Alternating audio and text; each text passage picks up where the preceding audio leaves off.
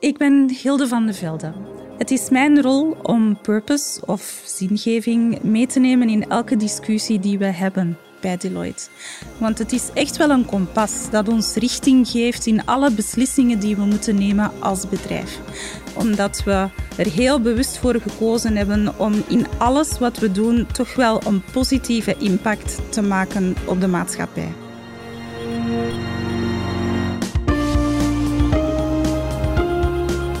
Van Deloitte Belgium is dit Tarmac Talks. Een podcast vanuit het Tarmac Café aan het Gateway-kantoor in Brussel. Voor de mensen van Deloitte is dit dé plek waar zij na het werk kunnen bijpraten. Met zicht op de luchthaven van Zaventem en de vliegtuigen die hier opstijgen en landen. In deze podcast ontvangt CEO Piet van den Driessen er telkens een gast. Samen met mij, audiomaker Eva Droogmans, voor een inspirerend gesprek. Je hoorde net Hilde van de Velde van Deloitte Belgium. En bij mij zit Piet van den Driessen, de CEO. Dag Piet. Dag Eva. Piet, we gaan het vandaag hebben over betekenisvol ondernemen. We hoorden Hilde van de Velde al even. Zij is Chief Purpose Officer bij Deloitte. Niet elk bedrijf heeft iemand met zo'n titel in dienst. Sinds wanneer hebben jullie haar in dienst? Wel, Hilde is al lang bij ons, maar ze heeft eh, die rol opgenomen binnen ons exco sinds 2019. Hilde die zal ons doorheen onze podcast vertellen hoe jullie inzetten op die zogenaamde purpose. Maar daarnaast heb je nog een expert uitgenodigd en dat is Johannan Einikel. Dag Johannan, welkom. Hallo, dag Hi. Eva. Dag Piet. Ik zou jou natuurlijk kunnen vragen om jezelf even voor te stellen, maar ik ga dat aan Piet vragen. Piet, waarom wilde jij over purpose graag met Johannan in gesprek? Wel, Johanan is een filosoof en expert mensgericht ondernemen en toekomstdenken. En eh, ja, hij is ook actief bij eh, Ethion als onderzoeker, schrijver en spreker.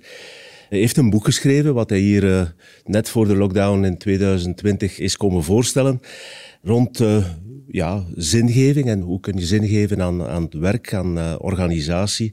En hij reikt ook bouwstenen aan voor betekenisvolle bedrijfsvoering. Johannan, Piet vermeldt net Ethion. Kan je even duiden wat Ethion precies is? Ja, Ethion is het Forum voor eh, Geëngageerd Ondernemen. Uh, wij brengen ondernemers samen die een passie delen voor waardegedreven ondernemerschap. Die niet alleen economische groei nastreven, maar ook willen bijdragen aan maatschappelijke groei. Dat waardegedreven zijn voor een organisatie, dat is heel belangrijk geworden de voorbije jaren. Purpose lijkt echt wel een woord dat heel veel aandacht kreeg, meer en meer. Wanneer is dat voor jou eigenlijk voor het eerst op de radar gekomen? Ik heb het zelf in 2014 met het boek van Aaron Hurst, dat is een uh, Amerikaanse uh, sociaal ondernemer en auteur. En die heeft dat begrip wel een beetje gemunt, hè, met zijn boek ook The Purpose Economy, waarin hij een trend beschrijft die al langer, laat ons maar zeggen, vanaf de jaren 2000 aan de gang is, waarin bedrijven eigenlijk veel meer gaan stilstaan bij welke positieve impact kunnen we hebben op mens en maatschappij. En het is waar dat het de laatste jaren een enorme vlucht heeft genomen. Het is, het is een beetje symbolisch dat Hilde in 2019 die rol heeft opgenomen. Want in 2019 hebben ook heel veel grote bedrijven een uh, charter ondertekend waarin ze eigenlijk een nieuwe doelstelling voor de bedrijfswereld naar voren schuiven. Dus niet langer puur winst maken, maar ook eigenlijk positief bijdragen aan de maatschappij. Oké. Okay. Ideeën schieten natuurlijk niet zomaar wortel. Ze hebben ook vruchtbare grond nodig. Waarom denk je dat purpose net de voorbije jaren zo'n ding geworden is? Uh, waarom denk je dat de tijd nu rijp is voor die manier van werken? Um, omdat wat een bedrijf betekent voor mens en maatschappij voor heel veel belanghebbenden vandaag aan belang inbindt. Er is een externe factor. De samenleving is beter geïnformeerd, is kritischer geworden koopt ook veel meer met zijn of haar hart dan alleen met de portefeuille. Volgens sommige studies zelfs twee op de drie consumenten die vandaag een belief-driven buyer is. Dat betekent dat je als bedrijf toch wel goed moet duidelijk maken waar je voor staat en niet alleen wat je kan. Een andere trend die speelt zich meer af bij werknemers. Je ziet dat werknemers ook daar veel meer keuzes maken Um, in hoe wil ik werken, waar wil ik werken, los van een inkomen. Een inkomen is belangrijk, maar daarnaast wil men ook het gevoel hebben van ja, dat bedrijf past bij wie ik ben, bij mijn persoonlijke waarden. Dus die twee trends die maken dat uh, de betekenis van een bedrijf alleen maar belangrijker is geworden. Piet, wanneer is bij Deloitte zingeving op de voorgrond gekomen? Maar internationaal is dat ergens op de kaart gezet in 2017, 18 onder inspiratie van onze globale CEO, Puneet Renjin. En hier, zoals gezegd, in België hebben we dat echt op de kaart gezet in 2019. We hadden voordien wel al een Corporate Social Responsibility programma. Maar dus we zijn eigenlijk uh, onze purpose echt gaan invullen in 2019, waarbij dat we eigenlijk op die drie aspecten zijn gaan werken. Hè. Hoe kunnen we impact hebben op ons talent, op onze mensen en ook de juiste mensen aantrekken, mensen die onze waarden delen. In het recruteringsproces komt dat heel nadrukkelijk naar voren nu. Hoe kunnen we impact hebben op onze klanten, maar vooral ook onze vraag stellen ja, willen we wel dat project doen voor die klant of willen we wel mm. voor die klant gaan werken? Hè? Deelt die klant dezelfde waardes als Deloitte? En dan uiteraard de impact op de maatschappij via een aantal thema's die we, die we onderschrijven. Purpose Officer Hilde van de Velde die waakt er dus bij jullie over dat er niet alleen gepraat wordt over purpose. Zij toetst de waarde bijvoorbeeld ook in de praktijk aan de keuzes die de organisatie maakt om voor bepaalde klanten of projecten te kiezen. Een heel mooi voorbeeld van, van een project waar Purpose echt tot leven komt, is uh, het Happiness-project. De vraag was, hoe konden wij het leven van de huurders van een sociale woning verbeteren? Hoe konden we dat doen op een innovatieve en digitale manier? En dan hebben wij de app uh, Appinest ontwikkeld, die huurders van sociale woningen helpt, omdat ze op een heel eenvoudige en intuïtieve uh, manier via die app hun huur kunnen betalen, een reparatie kunnen aanvragen, met de buren communiceren, met de administratie communiceren. Dit is iets wat wij gedaan hebben, niet alleen omdat, dit, um, ja, omdat we daar als bedrijf beter van worden, omdat dit een project is, een dienst die we daar leveren. Maar ook gewoon zijn we daar echt wel de next mile gegaan om het juiste te doen voor de maatschappij.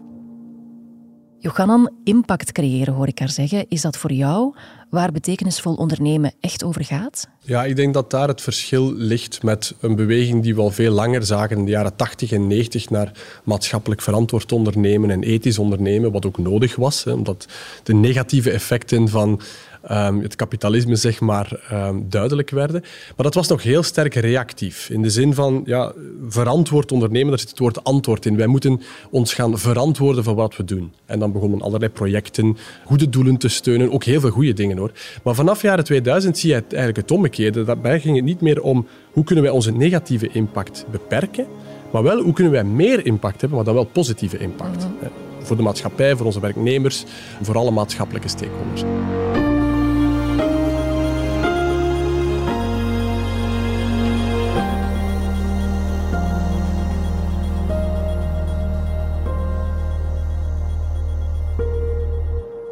Johannan, Piet die sprak over waarde en over de weg die je moet afleggen om tot een echte transformatie te komen.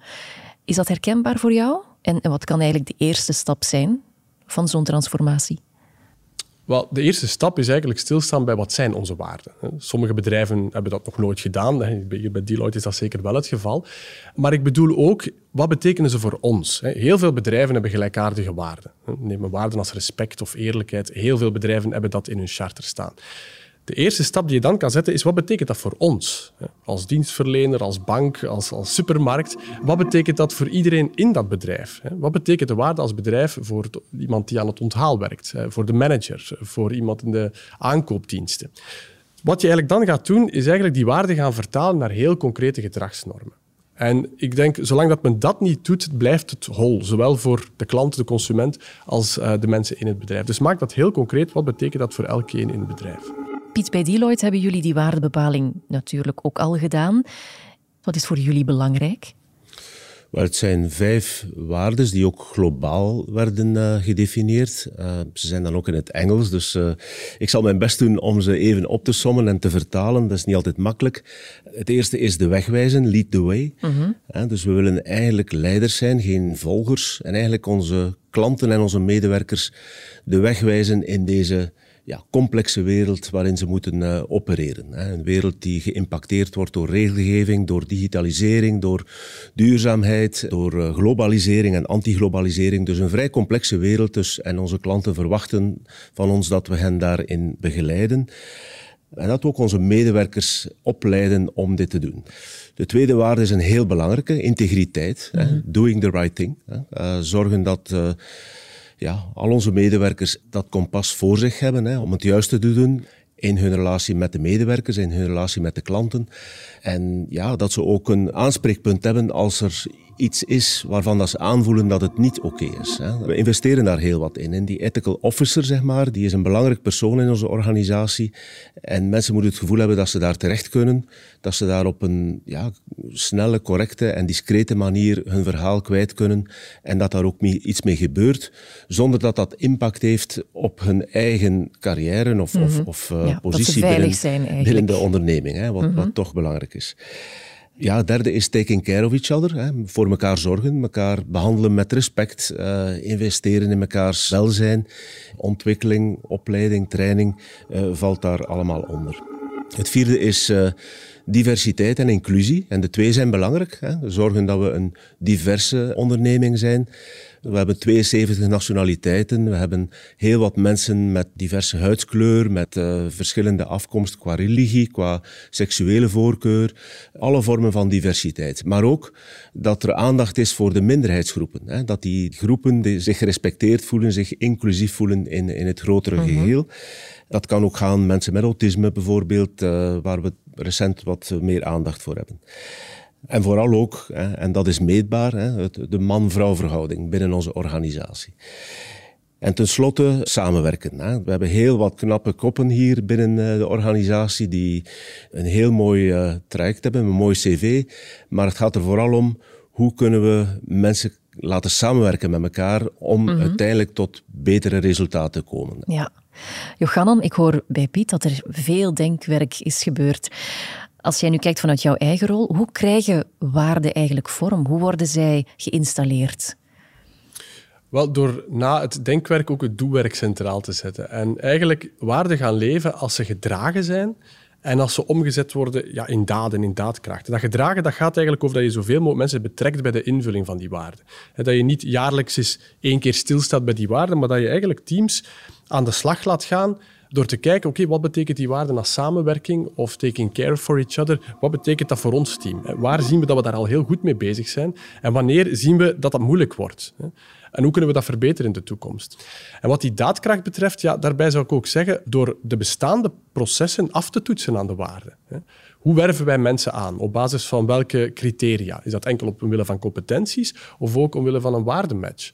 De partners met wie we samenwerken, in welke mate staan onze waarden daar ook centraal? Dus eigenlijk alle bestaande processen gaan aftoetsen aan de waarden. Te vaak zie je soms bedrijven die hun waardemanagement in een soort van aparte afdeling hebben, of we gaan eens een waardenteamdag doen, maar je kan eigenlijk in alles wat je vandaag al doet, een waardetoets gaan mm. doen. En dan gaan waarden echt leven. Ja, als een, als een constant aandachtspunt. Inderdaad, ja. ja. Bij waarden horen natuurlijk ook gedragsregels. Die worden bij Deloitte ook echt getoetst, bijvoorbeeld tijdens de evaluaties, zegt Chief Purpose Officer Hilde van de Velde. Waarden komen tot leven op verschillende manieren in gedragingen. En wij besteden daar heel veel aandacht aan. Is dit iemand die onze waarden echt vertegenwoordigt? Is dit iemand die een teamplayer is? Is dit iemand die respectvol is? Is dit iemand die integer is? dus dat zijn eigenlijk aspecten die uh, evenveel aandacht krijgen als de uh, pure business performance van een persoon. Vroeger zouden we wat Hilde beschrijft misschien als zacht bestempeld hebben, maar nu wordt het alsmaar vanzelfsprekender, gelukkig ook maar.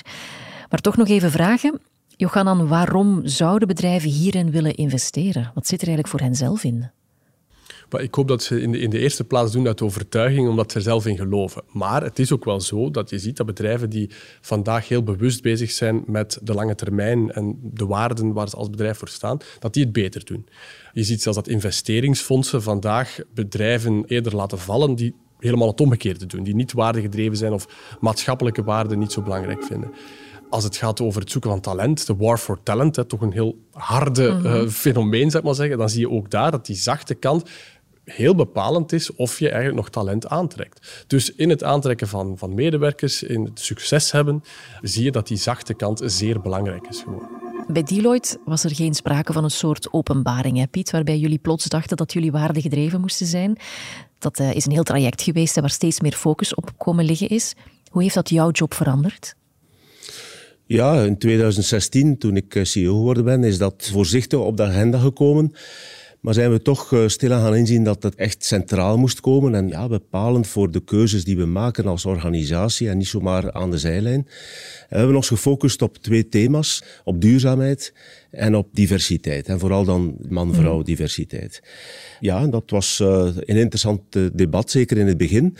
Iedereen zat daar wat aarzelend in in 2016, 17, herinner ik mij nog.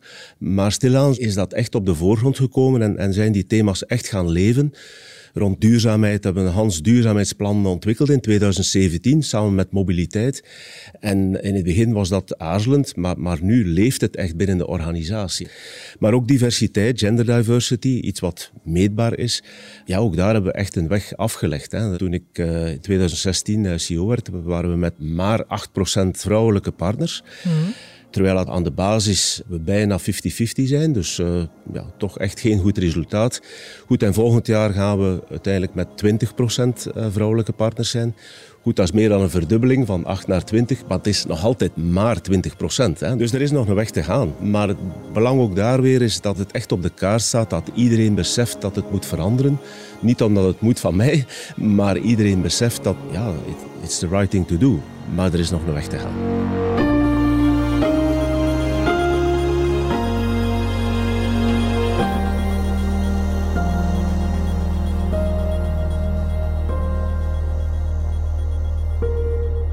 Iedereen is overtuigd dat waardegedreven organisaties het goed zullen doen. En ze zullen ook talrijker worden, hoor ik zeggen. Je hoort dan vaak dat vooral jonge mensen, twintigers, dertigers, daarmee bezig zijn en dat het vanuit hun generatie eigenlijk een vlucht neemt. Klopt dat cliché volgens jou, Johanan? Ja, het klopt in die zin dat we zien uit studies eh, dat de jongere werknemers bijvoorbeeld meer belang hechten aan de maatschappelijke verantwoordelijkheid en de waarde van een bedrijf. We moeten er wel bij zeggen, twintigers, dertigers zijn altijd wel iets activistischer dan vijftigers, mm zestigers. Dus het is niet zo dat dat nu de eerste jonge generatie is daarmee bezig is, maar we zien wel dat dat is toegenomen. En bijvoorbeeld ook in employer brand studies, zoals die van Randstad, zien we dat het belang van corporate social responsibility uh, toch sterk is toegenomen de afgelopen jaren bij jongere werknemers. Een belangrijk onderzoek in het kader van Purpose is onze Millennial Survey. De meerderheid van de millennials en de Gen Z vindt dat we op een kantelpunt komen als het gaat over maatschappelijke kwesties zoals klimaatverandering, ongelijkheid en discriminatie. De conclusie van het onderzoek toont eigenlijk aan hè, dat door de jaren heen de millennials en de Gen Z's dus heel waardegedreven en actiegericht zijn. En ook dat ze zichzelf en het bedrijfsleven verantwoordelijk houden. Nu, voor ons als bedrijf en voor bedrijven in het algemeen is dit heel relevant als inzicht. Wij kunnen dit niet naast ons neerleggen en wij moeten hier echt wel rekening mee houden in onze strategieën voor de toekomst. Purpose, waardegedreven. We gebruiken eigenlijk veel verschillende woorden hè, om betekenisvol ondernemen te omschrijven. En, en die woordenschat die zit niet standaard in ons taalgebruik, hè, Piet? En was er waarschijnlijk tijdens jullie eerste vergaderingen ook nog niet? Zitten jullie nu bij Deloitte wel meer op diezelfde golflengte? Ja, het komt erop aan, zoals Johan daarnet zei, om het invulling te geven, hè, om het concreet te maken. En een goed voorbeeld, denk ik, is, is het hoofddoekendebat, als ik het zo mag noemen. In 2017 hebben we daar eerste keer de vraag gesteld van laten we dit toe op de werkvloer. En toen was daar eigenlijk geen draagvlak voor. Hè. Uh, hebben we dat een beetje laten rusten, geparkeerd. Heb ik dat in 2019 terug op de agenda geplaatst. En eigenlijk was dat na vijf minuten beslist dat dit ja, het juiste was om te doen. Ik heb al verwezen naar het feit dat we met 72 nationaliteiten zijn. Dus uh, dat stemt mij uh, heel gelukkig om die diversiteit uh, rondom mij te zien. Omdat ik overtuigd ben dat we ja, door Deloitte meer divers te maken, we, we Deloitte rijker maken. In de zin dat rijkere opinies leiden uiteindelijk tot beter resultaat voor de klant. De geesten die zijn veranderd, hoor ik jou zeggen. Maar welke hindernissen, Johanan, zullen organisaties die meer willen evolueren naar een waardegedreven organisatie tegenkomen op hun pad? Wat kunnen de valkuilen zijn? Wel, een valkuil kan zijn het gebrek aan moed of, of zelfs angst om ook voor je waarde te kiezen wanneer het moeilijk wordt. Wanneer je door voluit voor je waarde te kiezen, bijvoorbeeld iemand die heel competent is, maar misschien toch geen match heeft met de waarde, toch niet gaat aanwerven. Of wanneer je zelfs op korte termijn even rendement verliest of minder winst maakt door bepaalde projecten niet aan te nemen. Daar zit eigenlijk de crux tussen echt waardegedreven ondernemen en window dressing. Bedrijven die ook wanneer het een beetje pijn doet voor hun waarde blijven kiezen, er vol voor gaan, ja, dat zijn degenen die echt op de lange termijn, denk ik, uh, die waarde blijven waarmaken. Maar dus moet en als bedrijfsleiding, uh, leading by example, die rol opnemen, dat zijn toch de belangrijkste factoren om, om ja, die valkuilen te overkomen, zeg maar. Ja, ja. Um, leiderschap vraagt durf. Piet, hoor ik uh, Johanan hier zeggen. Mm -hmm. Kan je daar een voorbeeld van geven? Van binnen Deloitte? Ja, ik heb al verwezen naar onze duurzaamheidspolitiek die we in 2017 hebben ingevoerd. En, en een belangrijk deel van onze eh, CO2-footprint is, uh, ja, is onze mobiliteit, hè, ons wagenpark, de salariswagen.